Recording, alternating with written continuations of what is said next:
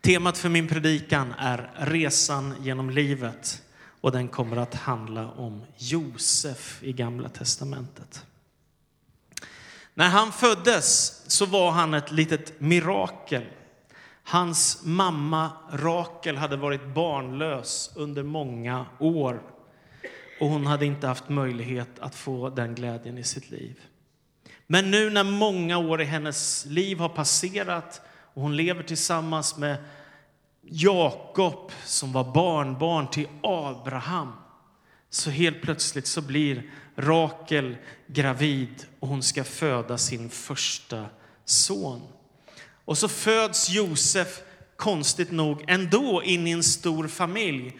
Och det beror på att Jakob hade en fru till som hette Lea. Det var inte helt ovanligt på den här tiden, det är ju länge sedan.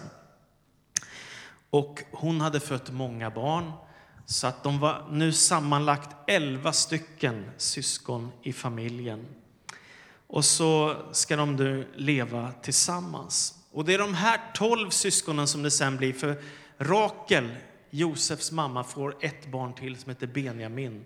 Men när hon föder honom så dör hon. Men det är de här tolv sönerna som blir Israels tolv stammar och sen som blir Israels folk. Så det är en alldeles speciell tid i Israels historia.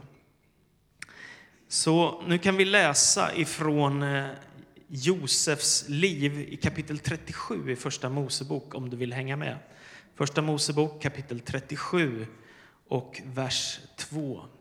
Och jag konstaterar för första gången i mitt liv att texten har blivit suddigare i min bibel. Jag håller på att bli 47 år snart nu, så ni kanske får se mig i glasögon snart. Vi får väl se. Detta är berättelsen om Jakob, hans släkt. När Josef var 17 år vallade han fåren tillsammans med sina bröder. Som pojke brukade han vara med sönerna till Bilha och Silpa, sina fars hustrur. Allt ont som berättades om dem förde han vidare till fadern. Israel älskade Josef mer än alla andra sina söner och han hade ju fått honom på gamla dagar. Han hade låtit göra en fotsid dräkt åt honom, men när bröderna såg att deras far älskade Josef mer än alla andra sina söner greps de av hat och kunde inte tala vänligt med honom. En gång hade Josef en dröm. När han berättade den för sina bröder blev deras hat ännu starkare. Hör vad jag har drömt, sa han.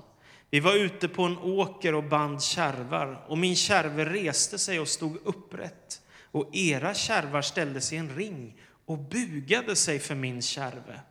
Då sa bröderna, ska du bli kung över oss, ska du härska över oss. Och deras hat blev ännu starkare på grund av hans drömmar och hans prat. Sedan hade han en annan dröm som han berättade för sina bröder. Jag har haft en dröm igen, sa han. Jag drömde att solen och månen och elva stjärnor bugade sig för mig. Men när han berättade detta för sin far och sina bröder tillrättavisade fadern honom. Vad är det för en dröm? Ska vi komma och buga oss till jorden för dig, jag och din mor och dina bröder? Bröderna retade sig på honom, men hans far kunde inte glömma vad han hade sagt. En gång när Josefs bröder var borta och vallade fåren vid Shekem sa Israel till Josef, du vet att dina bröder är med fåren vid Shekem och nu tänker jag skicka dig till dem. Ja, far, svarade han. Och Israel fortsätter, se efter om allt är som det ska med dina bröder och med fåren och kom sedan tillbaka och berätta för mig. Och Israel skickade iväg honom från Hebrondalen. När Josef kom fram till Shekem och irrade omkring på fälten där mötte han en man som frågade, vad letar du efter? Jag letar efter mina bröder, svarade Josef. Kan du tala om för mig var de vallar fåren? Mannen sa, de har gett sig iväg härifrån. Jag hörde dem säga att de skulle till Dotan. Josef följde då efter sina bröder och fann dem i Dotan. Bröderna såg Josef på långt håll och innan han kom fram till dem började de smida planer på att döda honom. De sa till varandra, titta där har vi vår drömmare. Kom så dödar vi honom. Vi kastar honom i en brunn och säger att han har blivit uppäten av ett vilddjur. Då får vi se vad det blir av hans drömmar. Men när Ruben hörde detta försökte han rädda honom från de andra och sa, nej vi får inte slå ihjäl honom. Och Ruben sa till dem, spill inget blod, kasta honom i brunnen här ute i öknen, men skada honom inte. Han ville nämligen rädda honom från de andra för att sedan kunna föra honom tillbaka till hans far. När Josef kom fram till sina bröder slet de av honom hans dräkt, den fotsida dräkt som han hade på sig. Sedan tog de honom och kastade honom i brunnen. Brunnen var tom, där fanns inget vatten. Det räcker med att läsa några verser i det här kapitlet i Bibeln för att inse att Josef växer upp i en ganska dysfunktionell familj, eller hur? Här finns tolv bröder, men också ett antal systrar. De är alla barn till Jakob, Abrahams barnbarn, som jag sa. Problemet är att Jakob älskar Josef mer än alla andra sina barn. Och inte nog med det, han visar det tydligt. Josef får finare kläder, han får godare mat, han behandlas bättre än alla. Och det berodde på att Jakobs älsklingsfru var Rakel. Han hade arbetat i sju år för, hos sin svärfar för att få gifta sig med Rakel. Och sen så sa svärfar när det var dags att gifta sig, det är så att den äldsta dottern måste gifta sig först. Så du får först gifta dig med Lea och sen får du jobba sju år till så får du gifta dig med Rakel. Så blev det. Och så jobbar han i 14 år för sin svärfar och så gifter han sig med Rakel men de är barnlösa under lång tid och till sist så får han Josef som är hans älsklingsson. Denne tonåring som vi läser om i den här texten, han är en man med drömmar och visioner. En man som har en enorm ledarförmåga och som ska bli så viktig för Israels folk och för Egyptens folk. Men när han är 17 år gammal så börjar han prata om sina drömmar som han har fått från Gud för sina bröder. Han var lite ovis, kan man säga. Så han berättar om hur att han har sett hur hans kärve reser sig på fältet och alla hans bröders kärvar de bugar sig inför honom. Det berättar han.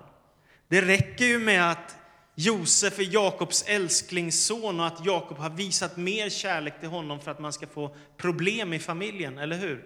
Att Josef har den här fina fotsida dräkten på sig medan de andra har lite enklare herdekläder. Och nu dessutom så drömmer han drömmar och han berättar drömmarna. Det gör att Josefs bröder, de börjar hata honom och de börjar tala illa om honom och de börjar fundera på hur de ska kunna skada honom på något sätt. Josefs drömmar var verkligen profetiska. En dag skulle de uppfyllas. Men kanske var det inte helt rätt att berätta dem för bröderna. Han drömmer en dröm till och då är det till och med så att mamma och pappa ska buga sig för honom och pappa, till och med pappa Jakob blir upprörd över hans drömmar. En dag i alla fall när Josef är 17 år gammal, i slutet av tonårstiden, så bestämmer sig pappa Jakob för att skicka iväg Josef på hans första färd rejält långt bort. Många mil bort ska han med fåren, där hans vuxna bröder är. Så att han ger sig av. Han vet inte riktigt vad han ska, men han ger sig av och han, är, han irrar lite, är lite förvirrad. Till slut så kommer han i alla fall fram till sina bröder med hjälp av vägledning från några andra. Och när de ser honom på avstånd och inser att vi är nio mil hemifrån, pappa är långt borta, så börjar de säga till varann, kom så tar vi chansen att döda honom. Alltså han är halvbror med dem bara och han har hela tiden blivit behandlad bättre än alla andra.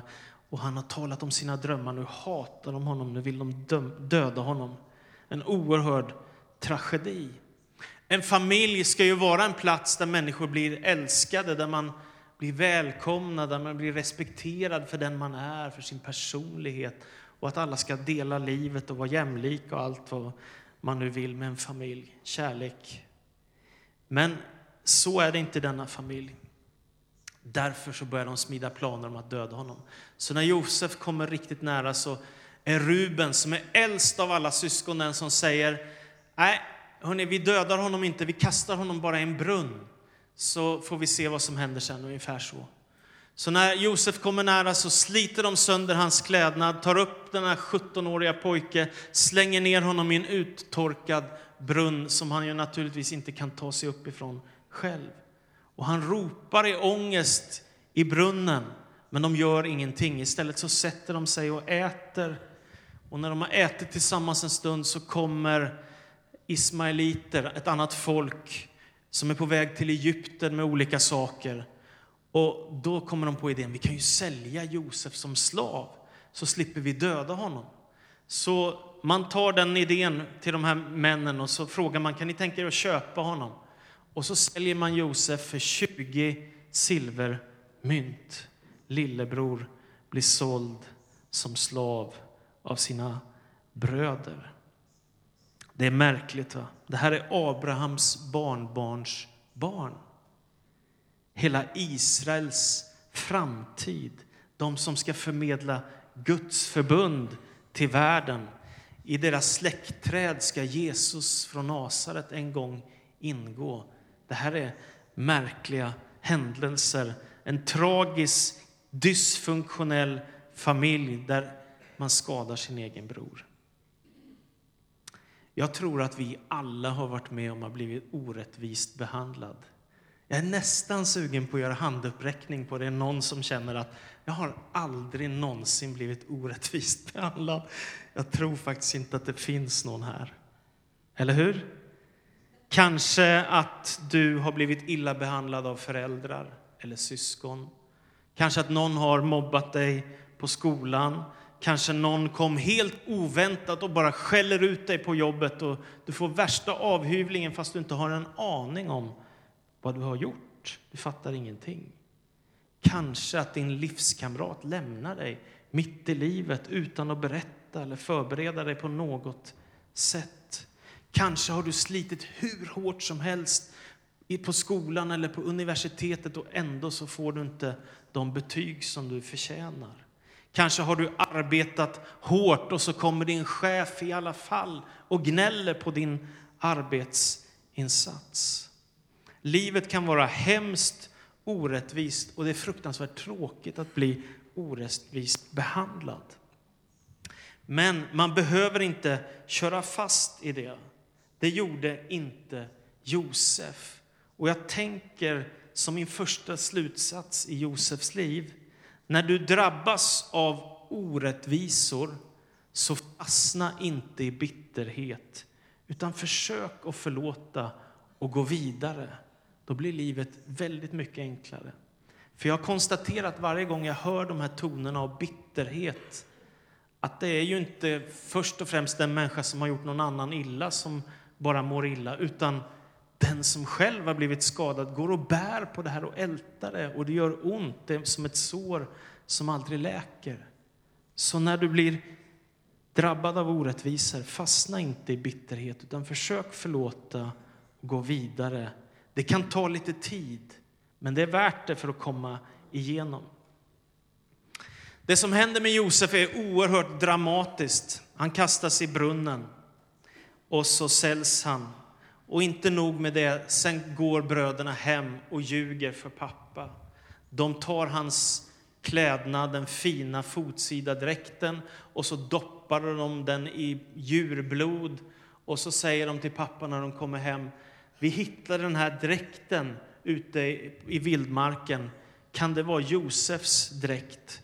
Och Jakob, pappan, känner ju direkt igen den eftersom han har låtit göra så många fina kläder åt Josef. Så Jakob river sönder sina kläder av sorg och smärta och ropar ut sin oerhörda förlust och besvikelse i livet. Att ha förlorat en son, det är en katastrof för honom. Älsklingssonen är borta ur hans liv. Och det står i Bibeln att han gråter och sörjer. Och så säger han till sina barn när de försöker trösta honom. Jag ska sörja min son till jag själv stiger ner i dödsriket. Han är helt fångad av den ofattbara förlust som han har varit med om. Döden är ju alltid en ovälkommen inkräktare. Den här sorgen och lögnen skulle Jakob få leva med i över 20 år av sitt liv eftersom ingen av sönerna vågade berätta vad de hade gjort med Josef. Det märkliga är bara att Gud är ju så trofast och god emot Josef. Så det går bra för Josef när han kommer fram till Egypten. Istället för att säljas som någon slavarbetare som ska bygga på någon pyramid eller vad det nu kan ha varit som man gjorde på den tiden, så blir Josef såld till Puttifar som var hovman i Egypten, en av faraos närmaste medarbetare, en upphöjd och ärad man. Och Gud är med och visar sin trofasthet till Josef, vilket gör att han som tjänare till Puttifar lyckas med allt som han företar sig. Och det i sin tur leder till att Puttifar börjar lita så mycket på Josef att han överlåter allt ansvar för allt han äger falla i Josefs händer. Och det står det enda han själv tog ansvar för var maten han själv åt. Så han lämnar allt till Josef. Han bara äter och dricker och låter livet passera. Och Josef får göra allt jobb och han gör det alldeles strålande med sin enorma ledarförmåga som Gud hade gett honom. Vi går alla igenom tider i livet som är svåra. Och då tycker jag också att det är fantastiskt att tänka på att Gud kan vända mörka tider till ljusa tider. Han kan förändra saker och omständigheter i vårt liv. Vi drabbas alla av prövningar, frestelser, motgångar, sorger. Men Josef som var med om detta, han förlorade aldrig sin tro, han förlorade aldrig sitt mod, utan han fortsatte att leva för Gud och Gud kunde visa sin trofasthet mot Josef och Josef blev välsignad och fick framgång i sitt liv. Och det är min andra slutsats. När du går igenom tuffa tider, så glöm aldrig att Gud är med dig. Och det gör all skillnad i världen att veta att man inte är ensam, utan att Gud vandrar vid min sida, inte bara de goda dagarna, utan också de onda dagarna. Sen händer något igen. Det är det här sånt här som man bara skulle vilja undvika. Men detta händer med Josef. Josef har levt ett tag som tjänare till Puttifar och Josef var en vacker ung man i 20-årsåldern med ett stiligt utseende och fina kläder. Och helt plötsligt så börjar Puttifars fru bli intresserad utav Josef. Han får naturligtvis problem. Så hon börjar knacka honom på axeln dag efter dag och bjuder in honom till hans säng. Men han tackar nej gång på gång på gång. Dag efter dag säger han nej tack och han förklarar vänligt men bestämt. Det förstår du väl att jag inte kan göra så mot min Herre som har gjort så mycket gott emot mig och svika honom och förråda honom på det sättet. Och han försöker förklara för Puttifars hustru, men det går inte. Till sist så tar hon tag i hans mantel och så säger hon kom in och ligg med mig. Och liksom, dramatisk kvinna i Egypten där. Och Josef springer därifrån, men hans mantel blir kvar. Och då får hon en förrädisk tanke. Eftersom han springer iväg ifrån henne så tänker hon, jag ska säga att han försökte våldta mig. Så när Puttifar kom hem så visar hon upp Josefs mantel och så säger hon, Josef försökte våldta mig. Och Puttifar blir ju naturligtvis rasande och direkt så slängs Josef i fängelse och så sitter han där helt oskyldig, utan anledning. Och det är min tredje slutsats som kommer här. Och det är detta. Stå för din övertygelse även om det kostar på. Priset är ännu högre att ge upp för destruktiva frestelser. Är du med? Stå för din övertygelse även om priset är högt. För priset är ännu högre att ge upp för destruktiva, eller ge efter för destruktiva frestelser. Josef följer sin övertygelse. Det hade ett högt pris. Han hamnade i fängelse i två år. Men vad hade hänt om han hade gått den andra vägen? Ni kan ju bara tänka er med tiden vilket elände och vilket trassligt liv han hade hamnat i. Det hade varit förödande för honom. Därför i livets olika stormar så ska man inte lämna Guds väg eller ge upp det som Gud kallar till, utan man ska fortsätta att följa det som man tror och det som man vill med sitt liv. I Saltaren 105, vers 18, så står det om Josef att man satte hans fötter i bojor och fjättrade honom med ett halsjärn till dess att det slog in att Herrens ord gav honom rätt. Det märkliga är då att Gud har gett Josef en profetisk gåva så han har förmågan att uttyda drömmar och han har förmågan att kunna förklara och se profetiska saker. Och då är det så att det finns två som sitter fängslade tillsammans med honom och han kan uttyda också det som de får som drömmar ifrån Gud. Och därför, en dag när en av dem som har suttit i fängelse tillsammans med Josef nu är hos farao och tjänar honom med mat och med dryck, så har farao själv, alltså den högsta av alla, en obehaglig dröm som han drömmer. Och han har ingen av sina närmaste som kan uttyda drömmen och säga vad den betyder. Och därför så söker han efter någon som kan uttyda hans dröm. Och då kommer ju den här som jobbar med maten på att Josef som satt där i fängelset, han hade en profetisk gåva. Han kunde säga vad våra drömmar betydde. Och så blev vi ju fria och precis det som han sa hände.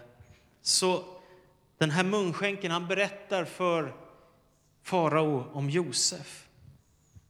Och så kommer Josef, slaven som har blivit såld som hebré och sitter i ett egyptiskt fängelse, helt oskyldig, ställs inför den mäktigaste i hela nationen och farao behöver hjälp av Josef att få sin dröm uttydd. Och då så frågar, säger farao, kan du uttyda drömmen åt mig? Och då svarar Josef, nej inte jag, men Gud kan hjälpa mig att uttyda din dröm. Och så talar farao om vad han har drömt. Han har drömt om sju feta kor och sju magra kor och sju... Ja, så fortsätter det så där, berättelsen om vad han har drömt om. Och då kan Josef ge en uttydning. Han berättar att det ska bli sju år av framgång för Egypten. Sen kommer det bli sju år av hungersnöd och lidande. Och därför så måste du förbereda dig, farao, för de sju åren av plågor och svårigheter. Att se till att bygga upp tillräckligt med matförråd så att inte folket får svälta. Det behövs någon som kan styra över Egypten, säger Josef till farao, slaven inför kejsaren. Då säger farao, finns det någon som äger Guds ande så som Josef?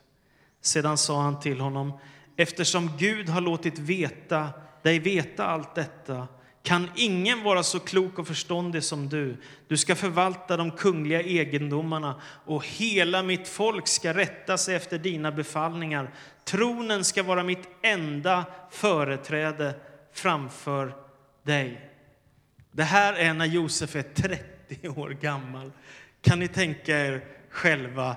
Det måste vara en av världshistoriens allra märkligaste händelser. En slav blir statsminister, ungefär så. Vilken händelse! En bortförd hebré, såld för några silverpenningar, blir faraos viktigaste ledare med ett enormt inflytande över hela Egypten. Och det är ett mirakel ifrån Gud själv. Varför? Därför att han har förberett Josef med hans ledarförmåga att kunna rädda både Egypten och Israel ifrån hungersnöd. Och Josef han får gifta sig, han får en hustru och han får två barn. Och den ena av barnen ger han namnet som betyder Gud har låtit mig glömma. Det är vad han ger för namn till en av sina söner. Och då tänker jag för det fjärde, vi förstår inte alltid Guds vägar. Men han har ett högre syfte med vårt liv, en helig kallelse. Och dessutom kan han överraska oss med välsignelser som vi inte är förberedda på. Min svärfar, han är grek. Han växte upp, han föddes i mitten på 30-talet. Han växte upp i Grekland och var med under andra världskriget och det var svåra tider när han var liten pojke. Bland annat så förlorade han sin pappa, jag tror han bara var 6-7 år gammal när det hände. Och de blev hemlösa. Och då så var den grekiska staten så god att de gav han och hans mamma och hans två syskon ett litet, litet hus som ligger i Thessaloniki med väldigt enkelt inrett. Och så fick de bara uppmaningen, när ni kan betala så får ni betala. Där levde han under fattiga förhållanden. Han fick knappt gå i skolan utan fick börja arbeta ganska tidigt som barn för att vara med och försörja familjen eftersom pappa inte fanns i livet längre. Det var många svårigheter, många tragedier. Men svärfar han var en man som skulle ta sig fram i livet. Och han, när han blev vuxen så blev han skräddare, en väldigt duktig sådan. Och därför så hörde man av sig från Sverige och berätt, liksom bad honom komma till Sverige och lära kostym, eller skräddare att, lära, att sy kostymer på ett riktigt bra sätt. Så att han skulle utbilda skräddare i Sverige på kostymfabriken som ligger utanför Katrineholm. Så kommer han till Sverige och så bor han här. Han betalar av sitt hus, det enkla huset i Grekland. Han bygger ett eget hus i Sverige. Och så är det den där svåra tiden bakom honom. Och så en dag i hans liv så hör de av sig från ett bostadsföretag i Thessaloniki och så säger de så här. Om du vill så kan vi riva det där lilla huset du har på den här tomten. Om vi får bygga ett femvåningshus på din tomt så ska du få motsvarande kvadrat i, ny, i en nybyggd lägenhet med 20 meter balkong om du bara upplåter marken till oss. Oväntad välsignelse för en pojke som hade det ganska svårt när han växte upp. Gud kan välsigna. Sju år av framgång går för Josef. Han samlar ett gigantiskt förråd av livsmedel. Och sen kommer sju år av torka och hungersnöd. Och så helt plötsligt är dagen inne. Då står de där, Josefs bröder. Och han har ju såna här fina egyptiska kläder och grejer på sig så att de känner inte igen Josef. De tror att han är död sedan länge. 20 år har passerat. De har förrått honom, de har tänkt döda honom, de har kastat honom i en brunn, de har sålt honom som slav och tänker att han inte lever längre.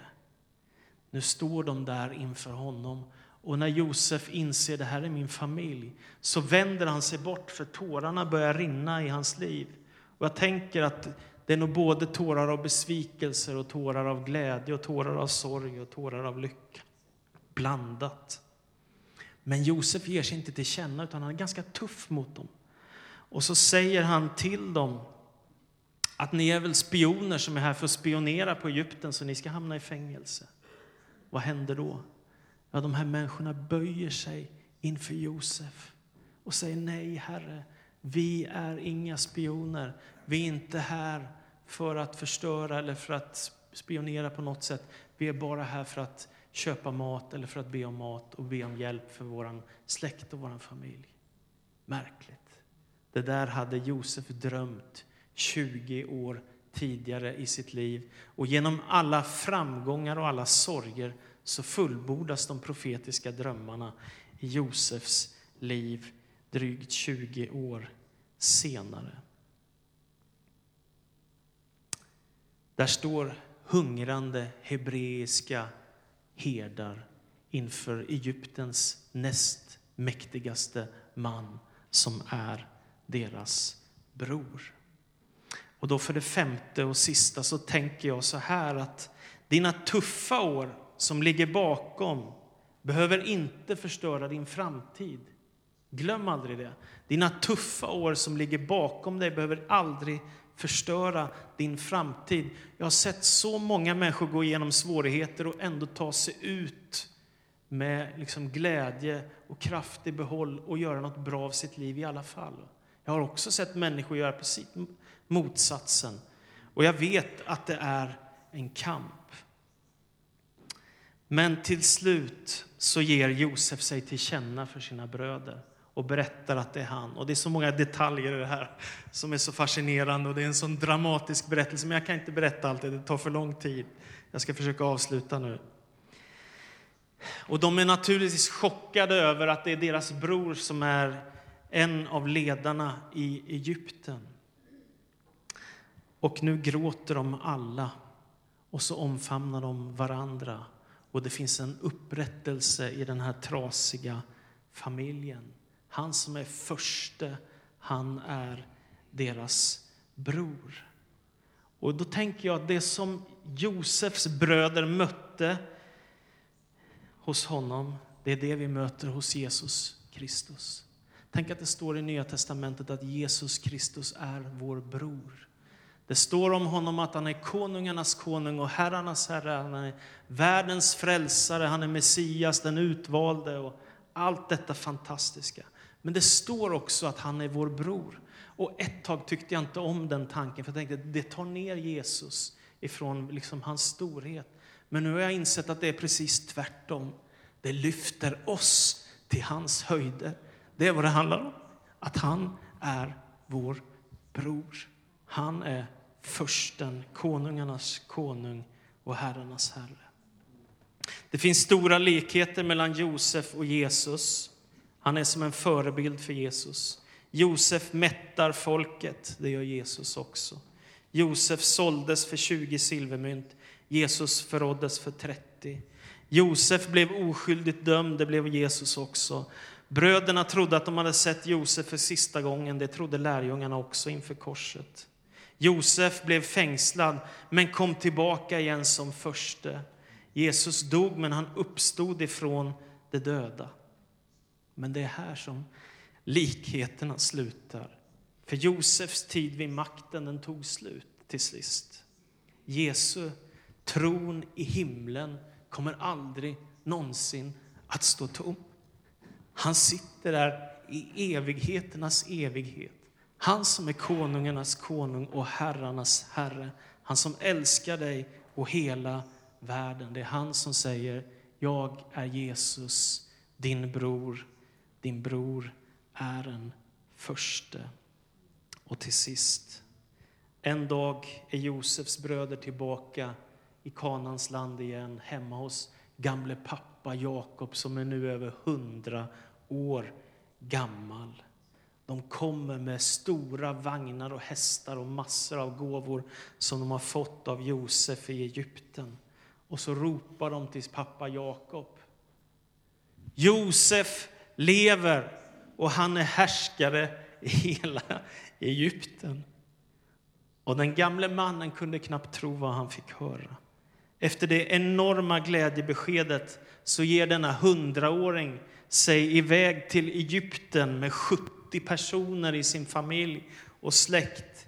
Och så kommer de till Egypten och det har gått 22 år sedan Josef och Jakob ser varandra, Sonen. Och när de ser varandra så står det att Josef omfamnar Jakob och de gråter tillsammans. Och Gud talar till Jakob och säger, jag är Gud, din far Isaks Gud.